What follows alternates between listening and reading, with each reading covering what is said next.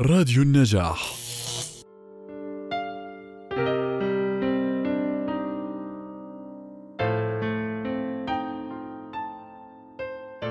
مستطيلة الشكل واسعة. تتوسط الجدار لتمتد على جانبيه. نقف أمامها مرارا لنرقب غائبا منتظر أو مطرا منهمر أو لنشهد تسلل أشعة الشمس أو لنمتع ناظرنا بشكل القمر إذ يكتمل ليصبح بدر.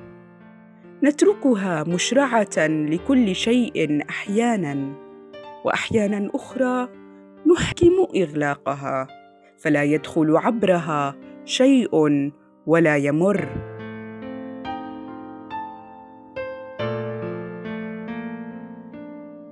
ذا حال نوافذ بيوتنا. فما حال نوافذ القلوب؟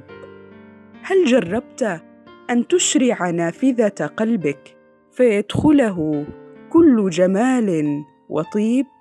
وإن باغتك عارض من شر أو قبح أو سوء أحكمت إغلاقها فشددت عليها القفل ولم يداخل قلبك عبر نافذته إلا كل خير؟